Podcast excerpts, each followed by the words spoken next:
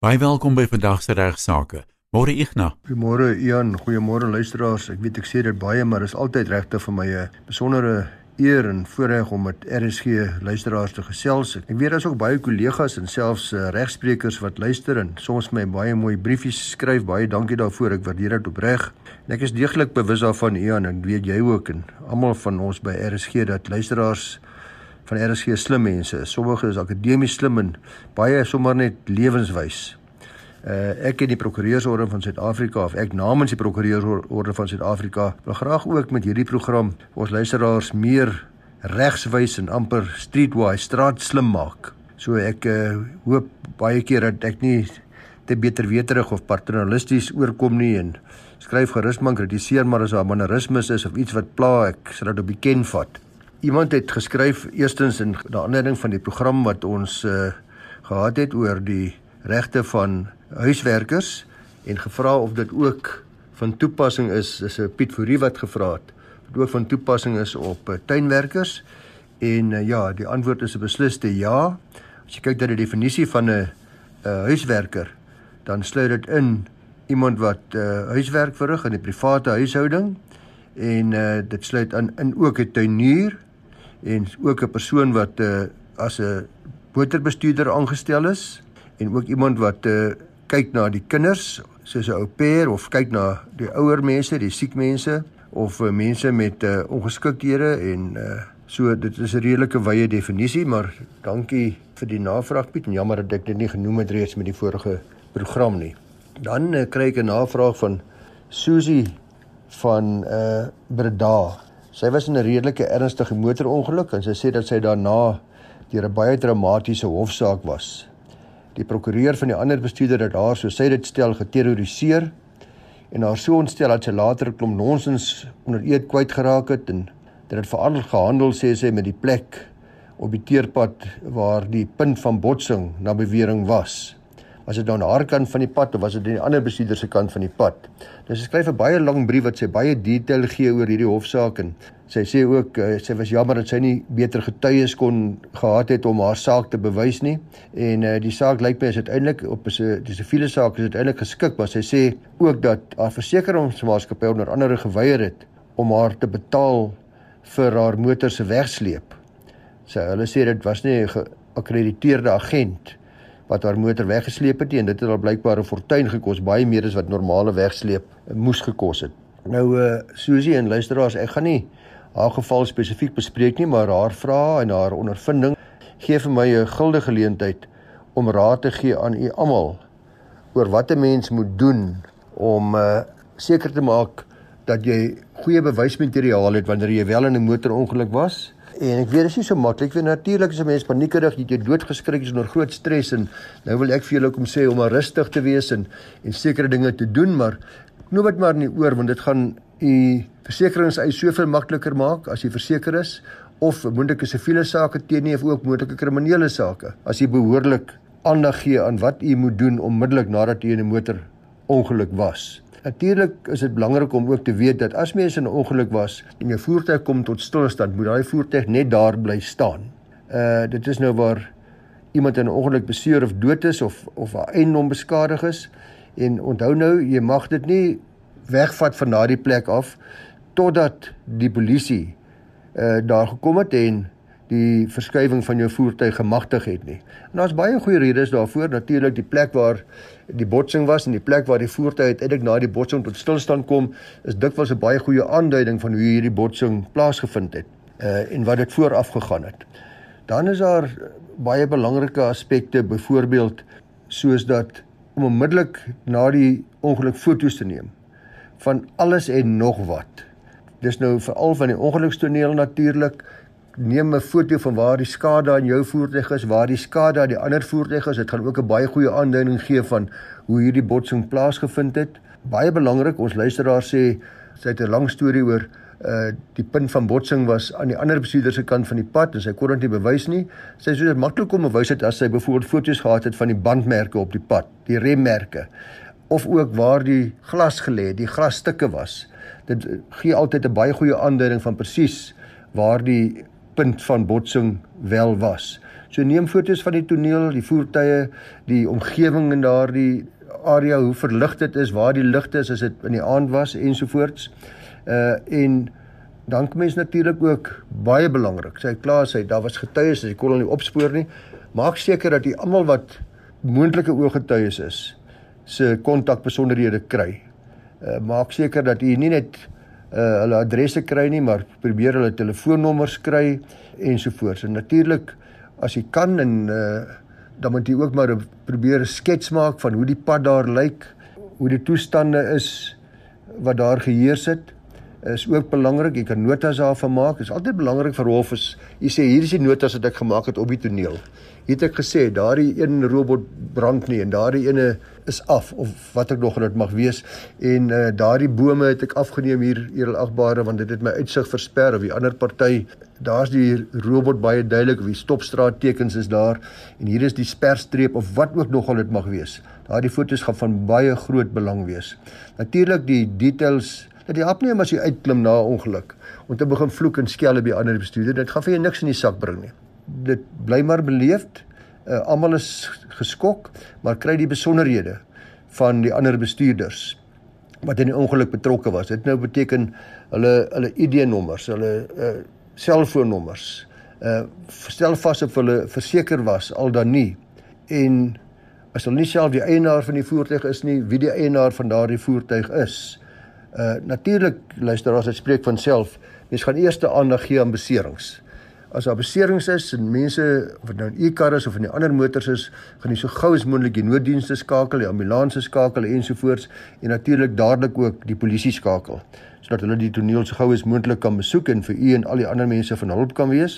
Maar onthou net ook dat mens moet 'n ongeluk aanmeld binne 24 uur by die polisie. Dit is nou as iemand beseer of gedood is. As daar niemand beseer of gedood is nie, dan moet mense dit aanmeld op die eerste werksdag nadat die ongeluk plaasvind. As dit op Saterdag was, dan moet jy dit op 'n Maandag gaan aanmeld.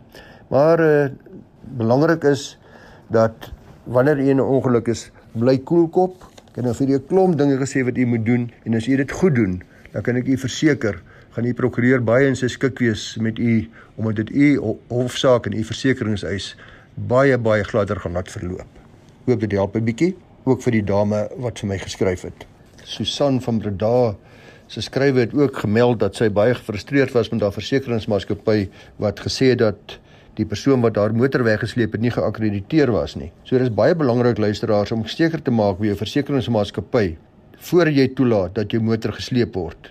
So moenie sommer net die eerste en die beste persoon wat by jou aankom, ek sal jy sal sien daar staan kom sommer 3, 4, 5 insleepdienste gelyk by ongeluksplekke aan en almal wetywer om u motor weg te sleep. Jy moet maar net vir hulle mooi netjies verduidelik dat jy verseker is en dat die ongelukkige eers moet seker maak dat hulle geakkrediteer is by u versekeringsmaatskappy en dan skakel jy u versekeringsmaatskappy onmiddellik maak seker dat u die nommer van die versekeringsmaatskappy in die motor het sodat jy hulle kan skakel. Daar's oral is noodnommers beskikbaar by al die maatskappye. Hulle sal dan dadelik vir jou sê gebruik A, B of C of jy toestemming gee om iemand te gebruik as daar dan nie geakkrediteerde agent op die toneel is nie. Luisteraars, 'n dame skryf vir my sy sê wil anoniem bly wat dit borrel, dit bewe, dit bibber van frustrasie oor 'n motoris in hulle gebied wat hulle uittart met die wyse waarop sy bestuur. Sy sê sy woon in 'n area met baie singels en hellings en hoogtes en draaie.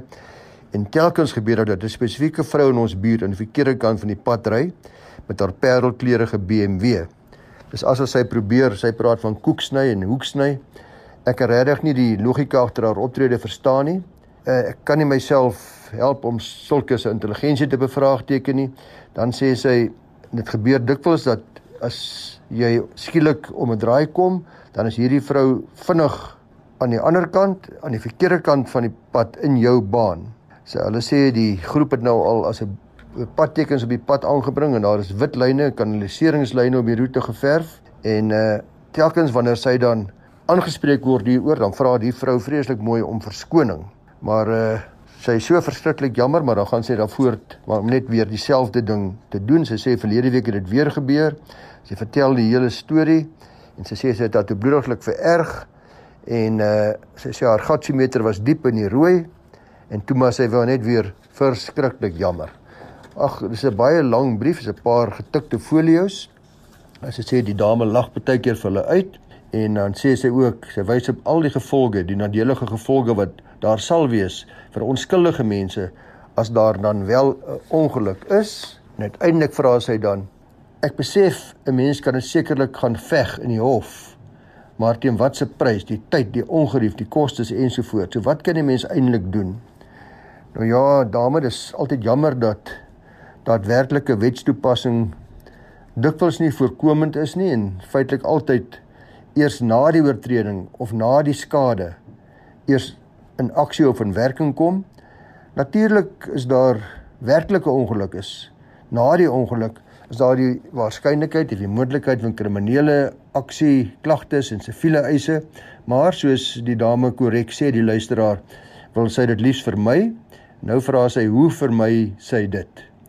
Nou uh, ek moet sê ek is vas. Ek het nie 'n kits oplossing nie, maar my aanbeveling sal tog wees dat probeer om voorkomend te wees en die manier waaraan ek kan dink luisteraars is ek het dit al voorheen vir kliënte gedoen. Ek skryf 'n brief aan die teenpartye. Mense kan dit self ook skryf, weet nie regtig 'n prokureur daarvoor nodig nie. Dit kan onderteken word deur 'n paar van die inwoners in daardie area. Uh daarin maak mense dan baie duidelik dat haar gereelde optrede, die sny van hoeke en te vinnig ry ensovoorts uh na die mening van die inwoners nalatig of selfs roekeloos is en wys haar daarop dat daar tragiese en traumatiese gevolge vir haar en veral vir julle en julle kinders en die hele gemeenskap kan wees as sy daarmee volhard.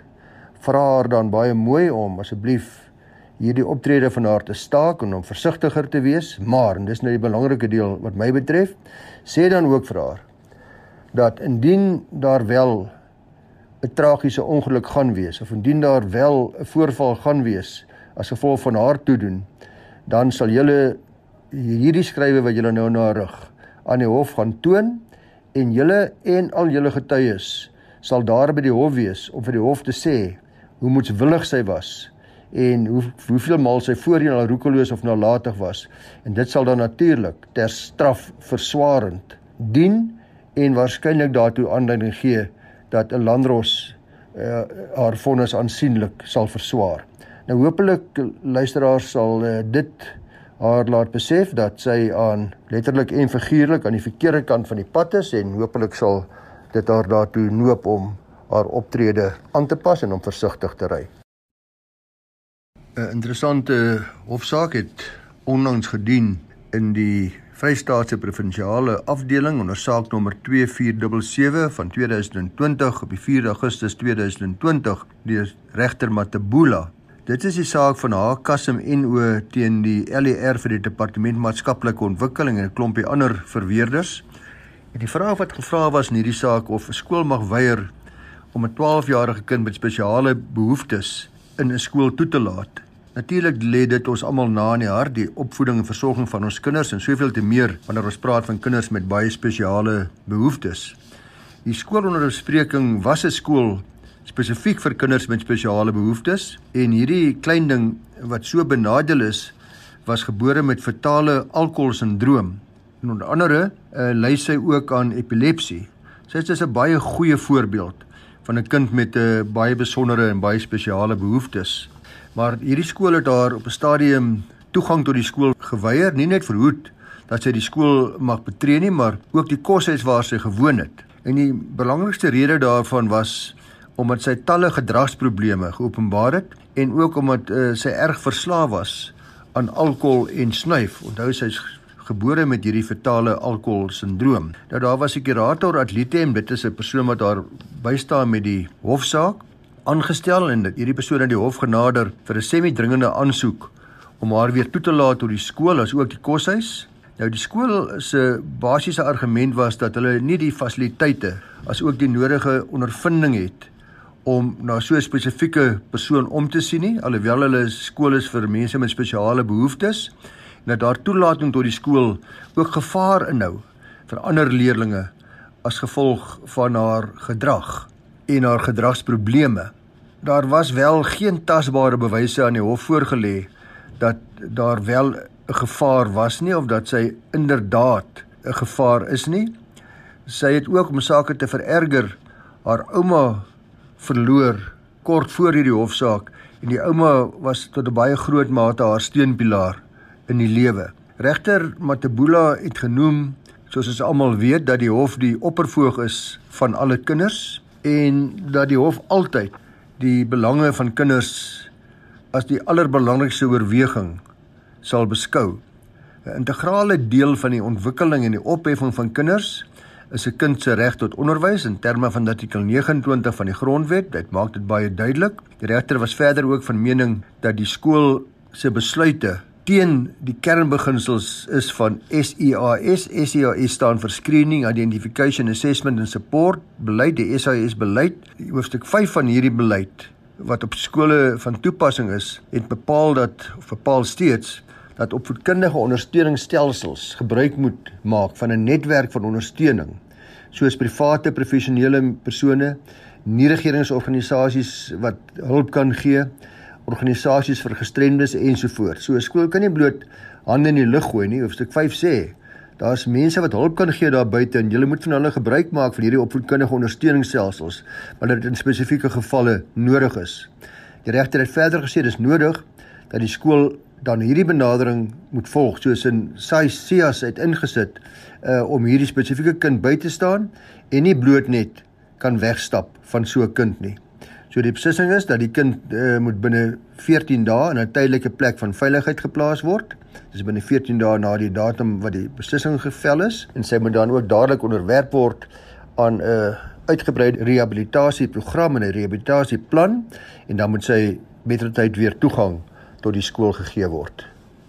'n Navraag van iemand wat ook anoniem wil bly sê sê wil net graag hoor of dit geheel en al ontoelaatbaar is as die begunstigdes van 'n boedel besluit om nie van die eksekuteur wat in die boedel benoem is gebruik te maak nie. Ek neem aan sy praat hier van die eksekuteur wat in die testament benoem is, gebruik te maak nie. Die fooi wat ons aan die eksekuteur sal moet betaal, dis nou die 3,5% om net die gelde los te maak, is baie, sê sy, en ons voel beide, dis nou sy en haar suster, dat dit onnodige kostes is.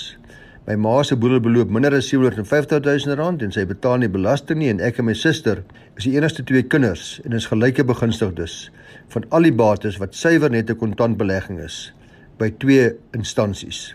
So sy sê dis baie maklik om die twee beleggings net op te vra en hierdie boedel af te handel en sy sê sy het in elk geval voor haar ma se afsterwe reeds volmag gehad om na haar moeder se finansies om te sien uh, en sy vra kan sy dus as begunstigdes kan hulle besluit dat hulle eksekuteur nie gaan aanvaar nie. Volker Kreer, die boedelspesialis na wie ek alle boedelnavrae verwys daar by van Vel en Duffy. Volker sê eerstens dat hy aanvaar ook dat sy bedoelde eksekuteur wat in die relevante testament benoem is Dis naamlik hoe oorledene kan seker maak dat die persoon wat hy of sy verkies, sy of haar eksekuteur is en dis 'n mandaat dus aan 'n persoon wat vertrou word. Die meester van die Hooggeregshof sal met ander woorde as uitgangspunt normaalweg altyd die eksekuteur aanstel wat deur die oorledene in sy testament benoem is. En ongelukkig kan mens dit nie weier as jy 'n begunstigde is nie. Maar waar die eksekuteur in die testament benoem nie die benoeming wil aanvaar nie. Met ander woorde, hy doen dus afstand van die benoeming. Of nie kan aanvaar nie, byvoorbeeld hy of sy is intussen oorlede of die bank bestaan nie meer nie. Dan sal die meester iemand anders aanstel gebaseer op die benoeming van die naaste familie in hierdie geval die twee susters, die begunstigdes sal waarskynlik dan vir die meester kan sê hierdie persoon wil nie die benoeming aanvaar nie of hy of sy is oorlede en ons stel voor dat die oudste sus as eksekuteur benoem word. As 'n banktes byvoorbeeld as eksekuteur benoem is en die luisteraar wil liewers iemand anders kry om die boedel te bereder of dit self aanpak, dan kan die luisteraar die bank vra om afstand te doen van die benoeming. Nou in ons ondervinding is die banke egter gewoonlik nie bereid om dit te doen nie behalwe as dit 'n baie klein boedel is soos in hierdie geval en daar's dalk redelike goeie moontlikheid dat die bank dit wel sal goedkeur. Maar indien die benoemde eksekuteur weier, soos die bank om van die benoeming afstand te doen, dan kan mens ongelukkig niks daaraan doen nie, luisteraars, en moet jy aanvaar dat daardie persoon aangestel sal word. Al wat 'n mens dan later kan doen, is om vir die meester vir die ontheffing van daardie eksekuteur te vra as dit sou blyk dat die eksekuteur nie sy of haar werk doen nie. Nou Volker wys ook na die moontlikheid dat waar die testament nog gewysig kan word, met ander woorde waar die testateur wie testatiese nog lewe, en dan natuurlik kan daar ter enige tyd 'n nuwe testament geteken word waar iemand anders as eksekuteur benoem word. Een plan is is om dan liewer sy familie te benoem as eksekuteur in die hoop dat die mens daardeur kostes kan spaar. Uh in wel dit in sekere gevalle so kan werk, wil ek die luisteraars tog waarsku sê Volker om versigtig te wees om die boedelberedderingstaak self aan te pak. Daar's maar 'n klompie goed wat 'n deskundige weet wat in plek moet wees en reg hanteer moet word sodat die proses so spoedig as moontlik en so min as moontlik belasting en ander kopseere afgehandel kan word. Dit is ook so dat 'n onafhanklike eksekuteur of 'n boedelberedderaar, dit wil nou sê waar die benoemde eksekuteur wat 'n familielid is, 'n professionele persoon kry om te help met die proses, 'n belangrike rol kan speel om moontlike spanning en dispute tussen erfgename te verhoed.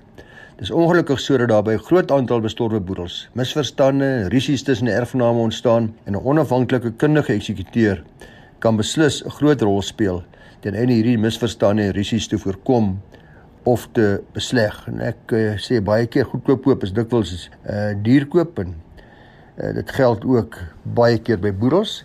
Maar as mens self 'n familielid benoem het, dan stel dit die familielid vry om 'n kundige te gaan sien om te sê hoorie, kundige Hier is 'n maklike boedel. Ek wil graag hê jy moet my help in sekere tegniese aspekte daarvan. Hier's net uh, twee beleggings hierso van 750 000 rand. Dit gaan maklik wees. Ek stel voor dat uh, jy my help en ek sal dit met jou ooreenkom dat jy byvoorbeeld net 2% vra in plaas van 'n normale 3,5% of dat ons 50-50 gaan wat die eksekuteurs fooi betref. Hoop dit help vir ons luisteraar so 'n bietjie. My laaste bydrae vandag u aan handel met 'n saak wat ek al reeds voorheen bespreek het, maar ek wil die luisteraars se geheue net kortliks verfris van daar was nou 'n appel oor hierdie aangeleentheid. Soos die meeste mense nou weet, aanvaar die padongelukke fonds aanspreeklikheid vir skade en verlies van 'n derde party wat voorspruit uit 'n nalatige bestuur van 'n motorvoertuig deur enige persoon in die republiek en ons wet wat daarvoor voorsiening maak is die padongelukke wet 56 van 1996. Maar wat gebeur nou indien beserings of skade of selfs dood veroorsaak word deur 'n vaartuig of 'n tipe voertuig wat nie binne die omskrywing van die wet geklassifiseer kan word as 'n motorvoertuig nie. Nou, u sal onthou dat meneer Makutuhana het op 20 Februarie 2010 ernstige beserings opgedoen toe 'n Rich Stekker met hom gebots het by sy werksplek. Hy het die dag daarna beswyk aan sy beserings en sy weduwee het 'n eis ingestel vir verlies aan onderhoud vir haarself as ook vir die kinders teen die pad ongelukke fonds. Nou die fonds het aanspreeklikheid betwis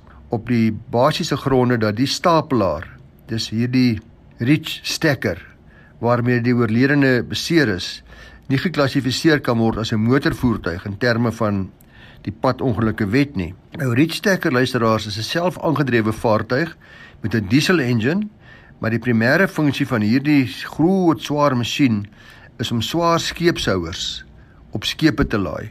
Nou wat klassifiseer as 'n motorvoertuig in terme van artikel 1 van die wet? Dis enige voertuig wat ontwerp of aangepas is vir aandrying of vervoer op 'n pad deur middel van brandstof, gas of elektrisiteit insluitende 'n sleepwa, 'n karavaan of enige ander werktuig wat geskep of ontwerp of aangepas is om deur sodanige motorvoertuig gesleep te word. Dis artikel 1 van die padongelukke wet. Nou hierdie saak was voorregter te saai voorheen beslis hy, hy het beslis dat hierdie masjien nie 'n voertuig is nie. Die saak is toegeneem na 'n volbank steeds in dieselfde hof. Die Hooggeregshof moes onder andere objektief vasstel wat die masjien se primêre funksie was en hoe dit ontwerp was vir aandrying op 'n pad en dan sodanig geklassifiseer kan word as 'n motorvoertuig. Laastens ook of die persone wat dan nou verantwoordelik was vir die ontwerp van die masjien bedoel het en voorsien het dat dit op 'n pad gery sou word. Uh, dit is so besluit in 'n vorige hofsaak van 2019. Nou die beslissing in die Hooggeregshof was dat 'n masjien wel 'n motorvoertuig was, soos omskryf in artikel in die, in die artikel van die wet omrede dit duidelik ontwerp en toegerus was om rond te beweeg in die hawe en op paaie juis op dit toegerus is soos ek reeds aangedui het. Die vervaardigers het objektief voorsien, sê die hof, dat die masjien op paaie aangedryf sou word. Nou, luisteraars, dis hoekom ek nou weer hierdie saak bespreek. Die saak is toe op appel geneem. Die padongelukke fonds het die saak na die Hoogste Hof van Appel geneem en die uitspraak van hierdie hof was dat die hof het saamgestem met die Hooggeregshof deur te beslis dat 'n reach stekker of 'n stapelaar wel 'n voertuig is, juis omdat dit toegerus is met kopligte, flikkerligte en ruitveers om te kan beweeg op publieke paaie tussen hawes. Die hof het dus die appel wat aangeteken was deur die ongelukkige fonds van die hand gewys met kostes en hulle sou dus nou die weduwee en die kinders se verlies aan onderhoud moet betaal. Dankie Ignas. Stuur gerus jou vrae vir regsaake na igna@ffd.co.za.